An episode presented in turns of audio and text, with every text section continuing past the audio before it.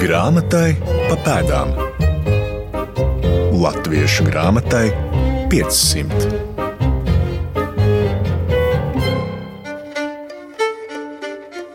Esiet sveicināti! Mans vārds ir Māra Rozenberga, un šoreiz dosimies uz Jēlgavu, kur meklēsim pēdas savulaik slavenajai un ļoti ietekmīgajai grāmatu izdevēju Stefenhāgenu dzimtai. Tuvāk iepazīsim pirmo no viņiem - Johanu Friedrichu Stefenhāgenu, kura devums tieši latviešu literatūras attīstībā 18. gadsimta otrajā pusē ir patiešām iespaidīgs. Ar viņa gādību 30 gados latviešu izdeva vairāk nekā 100 darbu, jeb apmēram pusi no visām tais gados iespiestajām grāmatām latviešu valodā. Grāmatai pa pēdām. Stefenhāgena izdevniecības nams Jālgavā gāja bojā Otrajā pasaules karā. Bet mēs dodamies uz netālo Jālgavas pilsētas bibliotēku, kur tiekamies ar novatpētnieci Andru Poltu. Sveiki! Paldies! Lūdzu, lūdzu! Tagadējā bibliotēkas ēka ir viena no retajām Jālgavā, kas vēl pieredzējusi Stefenhāgenu. 19. gadsimta beigas, 20. gadsimta sākums mēs nezinām, bet uh, Jā, šai ēkai pēc kara bija sienas. Kurzemes un Zemgāles hercogistas galvaspilsētā, kura grāmatu spiestuve pastāvēja jau kopš 17. gadsimta vidus, pirmais no Stefenhāgeniem, Johans Friedrichs, ieradās 1769. gadā, 25 gadu vecumā, ar grāmatu izdošanai šķietami pavisam nepiemērotu izglītību, stāsta Andra Pote. Jo Stefenhāgens bija bārdziņš, un ķirurgs. Negluži izdevējs. Nē, viņam īstenībā nekādas saistības ar izdevēju darbību īsti nebija. Un viņš ieradās Jelgavā no Rīgenes salas, tātad no Vācijas, un aprecēja uh, grāmatu izdevēju Lītkas atraidi. Un tādā veidā viņš tad arī ieguva tās tiesības izdot grāmatas. Stefenhāgeni izdod grāmatas līdz pat 919. gadam, kad eh, šeit pāri pāriet eh, karš un eh, vēl arī sarkanie. Tad jau pēc tā pirmā kara diezgan daudz Jelgavā ir nopostīts, un tad vairs arī neatjauno Stefenhāgenu. Par Stefenhāgenu mantiniekiem šobrīd sevi uzskata Jelgavas tipogrāfija. Pats savu izdevniecības nāmu Johans Friedrichs Stefenhāgens uzcēla 1799. gadā Kaņģīzeru jeb Kanulēģēju ielā 20. Šodien to pazīst kā Mātera ielu, un līdz kādreizējai izdevniecības vietai mēs ar Andru Potu vēl aizstaigāsim. Bet tagad jautāju viņai par Stefenhāgena lielo interesi izdot grāmatas nevien vāciski, bet arī latviešu valodā. Starp citu, pērn Jelgavā atzīmēja 200 gadus kopš Stefenhāgena izdevniecībā sāk iznākt pirmais latviskais laikraksts Latviešu avīzes. Protams, ka tā bija diezgan paralēla dzīve, pat es teiktu tāda divslāņu dzīve, ja, kas sāka saskarties savā starpā Nu, varbūt jā, ar, grāmatām arī, protams, kas iznāca tieši domāts latviešiem, jā, ar tām latviešu avīzēm. Jo iztēlojieties, ka tā vācu daļa dzīvoja savu dzīvi Jelgavā, un tad, tad tā latviešu daļa dzīvoja tomēr savu dzīvi. Un to saskars punktu jau nemaz nebija tik daudz. Bet tomēr Stefans Hāgens pēc savas iniciatīvas izdod grāmatas latviešu valodā. Daudz izdod ne tikai grāmatas, bet arī žurnālu, arī avīzes vēlāk. Jā, viņš tiek tātad eh, minēts kā viens eh, no racionālistiem, kas eh, piekopja jaunu ideoloģiju, kas sakņojas tajā apgaismas kustībā, ka visiem cilvēkiem ir jābūt pieejamam kaut kam tādam, kas viņus varētu mazliet celt uz augšu, nu, vai arī gluži vienkārši informēt. Bet varbūt tomēr viņš bija vienkārši arī ļoti veikls biznesmenis. Un varbūt viņš vienkārši redzēja to iespēju, ka arī tādā veidā var pelnīt. Atklājam tekstus! Pirms četriem gadiem ar izstādi Jāgavas Stefenhāgeni Latvijas Nacionālā bibliotēka atzīmēja 250 gadus kopš leģendām apvītā uzņēmuma nodibināšanas. Jālgavas tipogrāfijā iespiestajā izstādes katalogā lasāms, ka Stefenhāgena grāmatas piestuvi 18. gadsimta beigās un 19. gadsimta pirmajā pusē uzskatīja par labāko apgādu mūsdienu Latvijas teritorijā, un tas baudīja augstu reputāciju visā Krievijas impērijā. Prasme uztvert publikas pieprasījumu, aktīva iesaiste grāmatu repertuāra izvēlē un sekošana līdzi jaunākajām poligrāfijas tendencēm, kā arī enerģisks uzņēmēja temperaments padarīja Stefenhāgene apgādu un spiestuvi par sava laikmeta veiksmes stāstu. Tā katalogā raksta apgaismības laika literatūras pētnieks Pauls Dāja.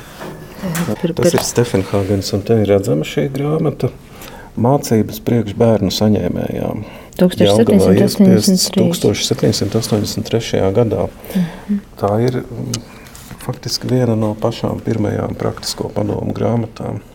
Šodien Nacionālās bibliotēkas telpā Retuma pasaule ir apskatāma pirmo latviešu izdoto praktisko padomu grāmatu izstāde ar nosaukumu Bites, Bakas, Kartupeļi. Un tajā lielu vietu aizņem tieši Stefenhāgena izdevniecības grāmatas. Ar Paulu Dāju apskatām tās tuvāk. Šī ir Stefenhāgena grāmata, kas drusku nolaižas ar kājām uz zemes. Tā ir pamācīšana, kā iekšā trim dienām var cilvēkam kašķi nodzīt bez kā no tam cita kāda slimība celtos no doktora Vilhelma Adolfija. Bet tas jau ir pēc pirmā Stefenhāgena, ja tas ir 1838. Jā, tas jau ir Stefenhāgena dēls. Mm -hmm.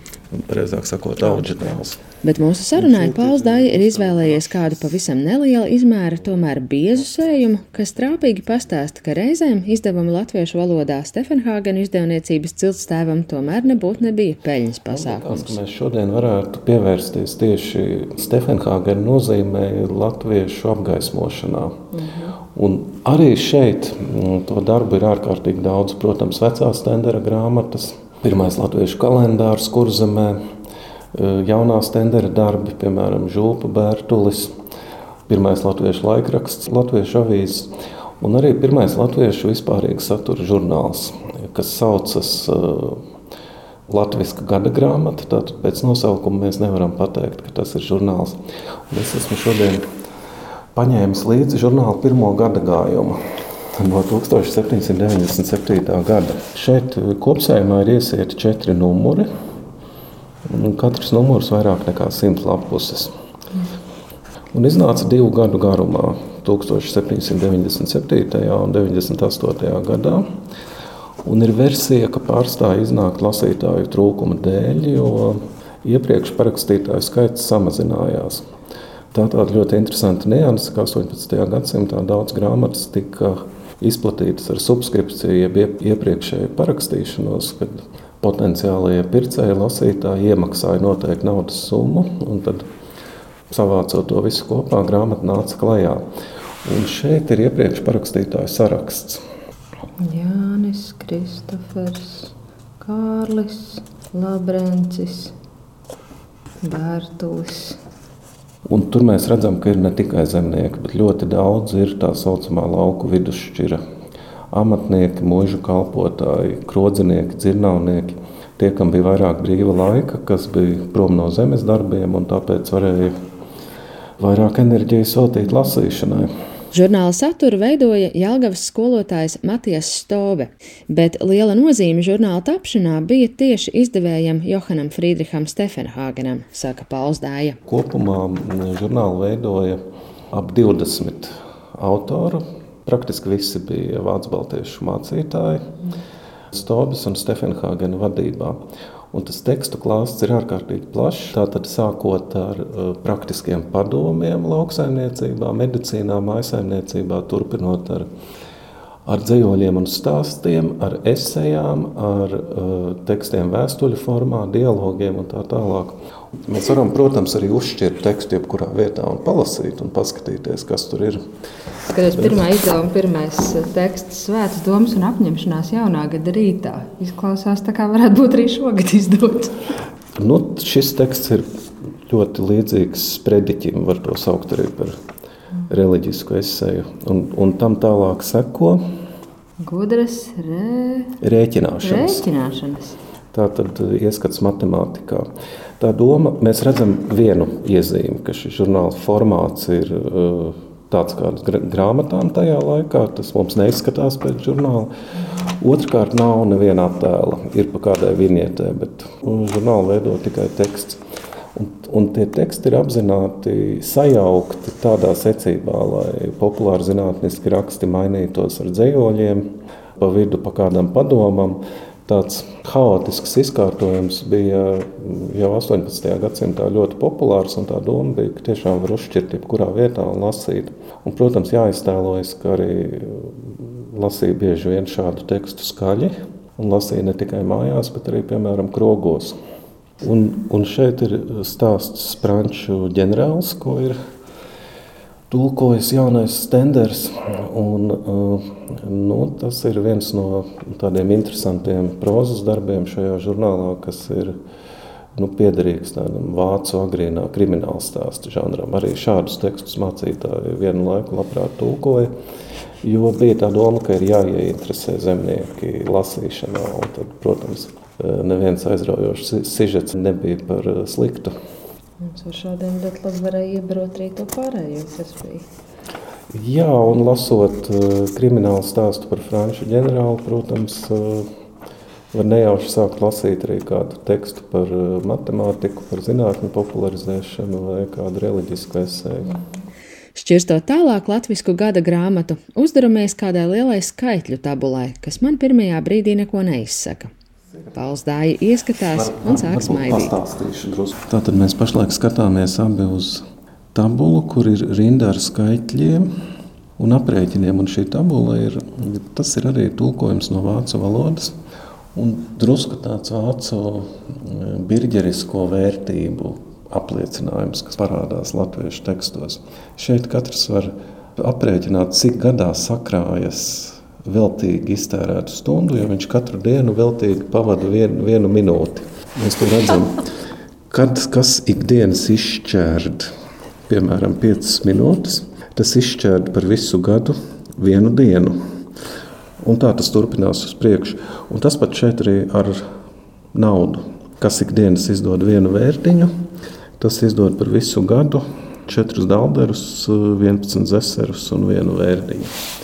Jā, un autors raksta, ka tas laiks, tā visdārgākā manta ir raita, ko Dievs cilvēkiem devis, un daudzi to neapdomīgi izšķērš, tātad iztērē. Tad tas gan labi būtu brīžam šī lapā skatīt un apdomāties.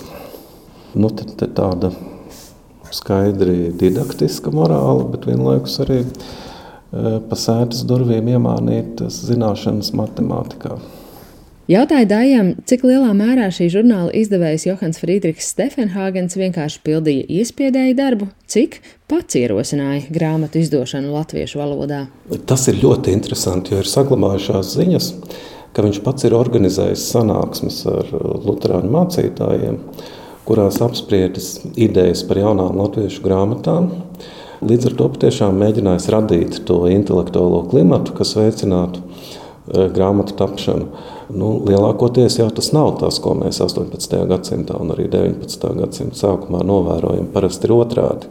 Tie ir mācītāji, kas kādu iemeslu dēļ izdomā, ka viņi vēlas rakstīt latviešu, un parasti jau tā ir kā praktiska vajadzība vai reliģiska apsvēruma. Un tad viņi dodas pie iespiedēja vai pie izdevēja, un reizēm arī izdod šīs grāmatas paši par saviem līdzekļiem. Arī Stefenhāgenam bieži tā bija, ka viņš bija tikai iespiedējis, bet izdošanu apmaksāja mācītājs. Bet jā, tas ir uh, ļoti, ļoti interesanti, ka Stefenhāgens gāja arī pretējā virzienā, mēģināja jau mērķiecīgi organizēt uh, latviešu grāmatu tapšanu. Savu karjeru Johans Friedrichs Stefenhāgens sāka kā kurzemes hercogistes galma izdevējs, bet laika gaitā šo privilēģiju sistēmu veikli apvienoja ar privātu pasūtītāju darbiem un brīvā tirgus principiem. Pauls Dāja vērtē, ka latviešu grāmatu izdošana Stefenhāgena gadījumā vairāk tomēr bija filantropija, nevis biznesa gājiens, un vairāk par to laiku populāro reliģisko literatūru viņu pašu interesēja laicīgie teksti. Un tie bija stāsti un dzējoļi ar laicīgu saturu, kas faktiski Stefenhāgena laikā arī vispār sāka tikai parādīties latviešu grāmatniecībā. Stefenhāgens uzsāka darboties 69. gadā, 18. gadsimtā. Nu, 60. gadi ir tas laiks, kad parādās pirmā stendera grāmata, pirmais žurnāls Latviešu ārsti. Viņš uztvēra to, bet latviešu grāmatu izdošana, tur, kur ir runa par apgaismību un laicīgu saturu, ļoti bieži nebija peļņas darbs. Un ir saglabājušās ziņas, ka Stefenhāgens kaut gan viņš bija mm, ļoti, ļoti apsviedīgs un parasti plānoja peļņu. Tieši attiecībā uz latviešu apgaismības grāmatām viņš reizēm ir arī bijis gatavs ciest zaudējumus. Žurnāls Latvijas gada grāmata tam ir ļoti labs piemērs. Iznāca tikai divus gadus, jo lasītāju skaits pakāpeniski samazinājās. Viņš vienalga turpināja laist klajā žurnāla numurus, neraugoties uz to, ka viņam tie nenes peļņu. Un par to arī mm, tajā laikā tika rakstīts.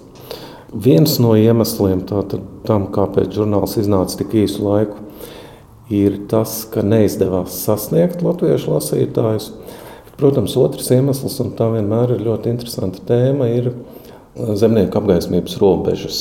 Noteikti uh, Eh, pastāvēja elites vidū priekšstats, ka tieši šis žurnāls deva par daudz zināšanu. Pārāk plašu redzesloku veidoja tieši ar savu eklektisko, encyklopēdisko saturu.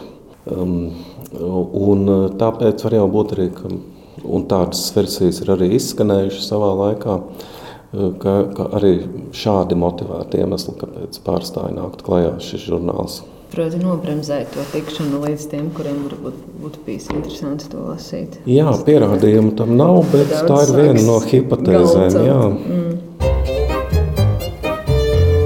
Grāmatai pa pēdām. Tikai latvieši. Nu, šobrīd mēs atrodamies pie akadēmijas Petrīna ēkas. Arī tā, protams, ir atjaunota. Tur, Bet tagad atgriežamies Stefenhāgena izdevniecības mājvietā Jēlgavā. Ar novadu pētnieci Andru Potu dodamies uz kādreizējo Jālgavas akadēmiskās ģimnāzijas ēku, kur dažas interesantas liecības par pilsētas leģendāro izdevēju dinastiju šodien glabā ģedārta Elijas Jālgavas vēstures un mākslas muzejs.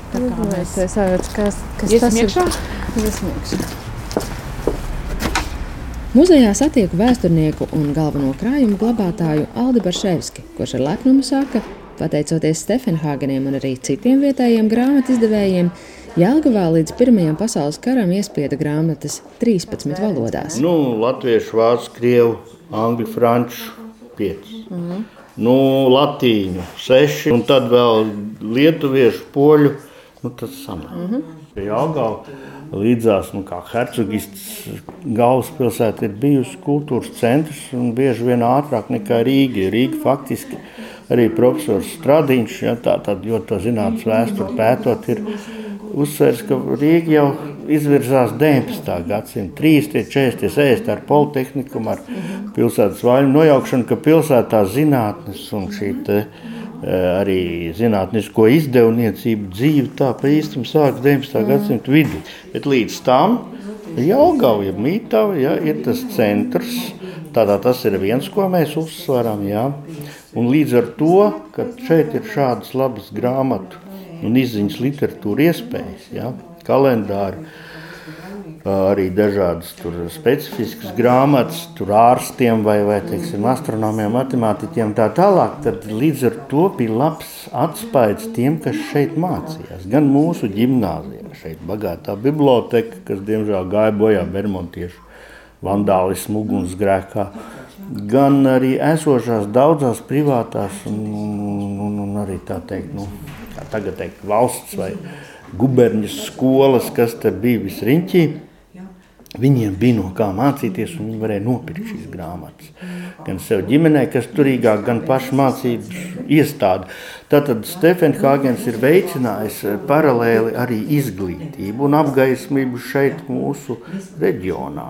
Kur zem zemgala mums vēl toreiz nebija jaunlatviešu un vēl nebija 18. gadsimtā, jā, un 19. sākumā paši savas inteliģences. Ja, tad tie bija citautieši un, un tas ir, nu, nu, agrākos tendenciozās vēstures laikos, padomu periodā, nu, to tā negribīgi atzina vai, vai pat noklusēja. Kad ir rūpējuši latviešu tautas apgaismība, izglītība, tāpat vācu mācītājiem bija laba sadarbība ar, ar viņu pašu piedāvāja arī izdevumus un bija līdzdalīgi. Tā kā tas ir lielisks stāsts par, kā teikt, kultūru, daudzveidību, toleranci un, un, un teikt, apgaismību un gara gaismu caur kultūru dažādu tautību cilvēkiem sadarbojot. Interesanti, ka tieši Stefenhāgena nams bija pirmā mājvieta 1818. gadā dibinātajam Kurzemes provinces muzejam, kura pēcteča Jālgavas ģedertelijas vēstures un mākslas muzejā notiek daļa no mūsu sarunas. Tajā iesaistās arī muzeja direktors vietniece Marija Kaupere. Stefenhāgenu ieguldījums būtībā Jālgavā ir ne tikai tas, ka ir šī izdevniecība, kas izdod nu, visu ko un kas ar latviešu valodu saistīts arī dzan, tas viss ir faktiski Stefenhāgenu darbs. Tā ir viena puse, bet otra ir tā, ka tas viņu ieguldījums vispār Jāgaunas nu, tādā. Nu, jā, Gauss, es teiktu, arī visas Latvijas kultūra vēsturē ir, ir liels. Jo nu, nezinu, vai daudz tādu cilvēku būtu, kas būtu ar mieru, ka viņu mājā ievieto muzeju. Un tā māja nemaz nav, nav tik liela. Nu, tāds, tāds divu stāvu namiņš bija. Jo es tieši par to vēl aizdomājos tas, tas tā vienkārši piebildēja. Mēs sestdien bijām, iepriekšējā sestdienā, apsveikt eh, mūsu draugu Šauļu muzeju simt gadu jubilejā. Un viņi par godu šai jubilejai, viņi vispār izdod brīnišķīgas grāmatas, bet eh, tieši šai jubilejai par godu viņi ir izdevuši grāmatu. Tā arī raksta, jā, nu, šauļu varoņi. un, tie, un tur ir saskaitīja, man liekas, 22 personas no karalienes Marijas laikiem līdz tādiem, kas ir dzimuši 1983. Piemēram, gadā, ja? Cilvēki, kas ir saistīti ar pilsētu, nu, kam, kam ir kāda īpaša nozīme pilsētas vēsturē. Un tad, kad es to grāmatiņu šķirstīju, es domāju, mums būtu jāsāk gandrīz ne ar Hercogu, bet ar Stefenhāgeniem, jo, jo nu, nu, tas viņu pienesums ir vienkārši milzīgs. Ja? Te bija tāda speciāla zīmīta izlika, bet mums bija no tām, no tādām finietu Pie akadēmija Petrīna sienas pērn atklāja nelielu granīta plāksni par godu latviešu avīžu 200 gadai. Bet pašiem Stefenhāgeniem veltītu viedzīmju šodienas Jelgavā nav. Vietā, kur atradās viņu izdevniecība, šodien ir Rāņa un Mātera ielas krustojums un Rāņa parka stūris. Novada pētniece Andra Pote zina stāstīt, ka šajā vietā bija plānots latviešu avīžu 200 gadai veltīts vides objekts, taču pagaidām iecerē nav īstenojusies. Bet tur bija konkrēti domāts, jā, iemūžināt to latviešu avīžu izdošanu. Bet tas bija 1822. gads, bet Stefenhāgens jau sāka darboties 1769. Mm. kad viņš te ieradās. Un, Kā jums liktos, vajadzētu pilsētā kaut kādas nu, liecības? Principā es tieši pagājušajā gadā arī par to vairāk sāku aizdomāties, ka jā, jo tas tomēr bija ļoti garš laika posms tie ir gandrīz 150 eh, gadi, kad eh, tā ir viena no tādām lielākajām izdevniecībām, kas izdod kvantumu grāmatu un eh, kas tomēr cieši sadarbojas ar to pašu stenderu. Tās pašas stendera grāmatas taču iznāca latviešu viņu rociņām iespiestas. Ja? Mm -hmm. Un, es domāju, ka tas varētu būt arī viens no tādiem piesaistes punktiem pilsētai, ka mēs uh, uzsvērtu jā, nu, to, to devumu, kas nāca no tiem Jālgavas konkrēti grāmatu izdevējiem. Bet nu, šobrīd nav. Jā. Svarīgā grāmatzīme. Un noslēgumā kāds interesants stāsts par Stefenhāgenu atgriešanos Jālgavā. 2019. gadā Jālgavas tipogrāfija dāvanā no Vācijā dzīvojošā izdevēja mantinieka Ulfa Šaka Stefenhāgena saņēma divus Stefenhāgena portretus. 19. gadsimta sākumā gleznotajiem Johana Friedricha un viņa māsas dēla Johana Martīna Pētersa portretiem nebija zināms autors. Restauratoriem noņemot sadzeltējošo laku, Mākslinieka vārdu atšifrēja Jālgavas vēstures un mākslas muzeja pētnieks Edgars Umbraško, un viņa stāsts ir gandrīz detektīvu cienīgs. Zem tās lakas pirms tam nebija redzams, atklājās autora paraksts un datējums. Abiem tātad viens portrets bija glaznots 1823. gadā, un otrs 24. gadā. Un paraksts. Bet paraksts nebija, nu, kā mēs pieradām vārds, uzvārds vai vismaz iniciāli, bet bija simbols. Tāds unikāls simbols, kuru uzreiz neizdevās atšifrēt. Tāds ankurs. Huh. Nu, un, un tā, arī, tā arī tas viss palika. Nezināms mākslinieks ar ankura simbolu. Nu, un tad, gatavojoties jau pagājušā gada izstādēji par latviešu avīzēm, bija nolemts izlikt tādu Johana Martina, uh, Stefenhāgena portretu, jo tieši viņas piestuvē bija tie pirmie eksemplāri drukāti. Nu, tad nejauši atkal acis pamanījām. Un, nu, skat, nu, bija, bija tas uzdevums, tas jautājums jārisina. Nu, un tad pēkšņi atcerējos, ka kaut kur es šo simbolu jau esmu redzējis. Paskatījos katalogos, mums ir Rundāles pilsētas muzejā 2008. gadā bija rīkota izstāde par 19. gadsimta portretiem. Tur bija liela varena, un 2014. gadā laists katalogs, tāds pabies. Nu, tur ļoti bieži, ļoti bieži skatījos, pētīju. Un, jā, izrādās, mums kurzemē tepat bija vietējais mākslinieks, kurš tieši arī lietoja šo simbolu ēnkuru. Tas bija Jozefs Dominiks Eks dzimis Vācijā, bet 19. gadsimta sākumā atbrauc pie mums Jelgavā, vietējais mākslinieks. Un pēdējos gados viņš bija arī tepat Jelgavas gimnājā zīmēšanas skolotājs. Nu, līdz ar to arī populārs glaznotājs, gleznoja portretus, nu, respektīvi arī Stefenhāgenus. Abus viņš arī uzgleznoja. Pa grāmatu izdevēja Johana Friedricha Stefenhāgena pēdām Jālgavā devās Māra Rozenberga, un paldies maniem sarunbiedriem - Jālgavas pilsētas bibliotēkas novadpētniecības speciālistei Andrai Pautai, Ģedarta Elijasa vēstures un mākslas muzeja speciālistiem Marijai Kauperai, Aldim Barševskim un Edgaram Umbraško, kā arī Latvijas Nacionālās bibliotēkas vadošajam pētniekam Paulam Dājam. Raidījuma padomdevēji Latvijas Nacionālā bibliotēka un Latvijas Universitātes akadēmiskā bibliotēka. Nākamnedēļ pētīsim, kāpēc vidzemes audēja un hanhūtieša ķikuļa jēkaba dzējās atcerēto sūdzību Krievijas carienai var uzskatīt par pirmo latviešu autora laicīgās dzejas sacerējumu rokraksta literatūrā. Grāmatai pa pēdām Latviešu grāmatai 500.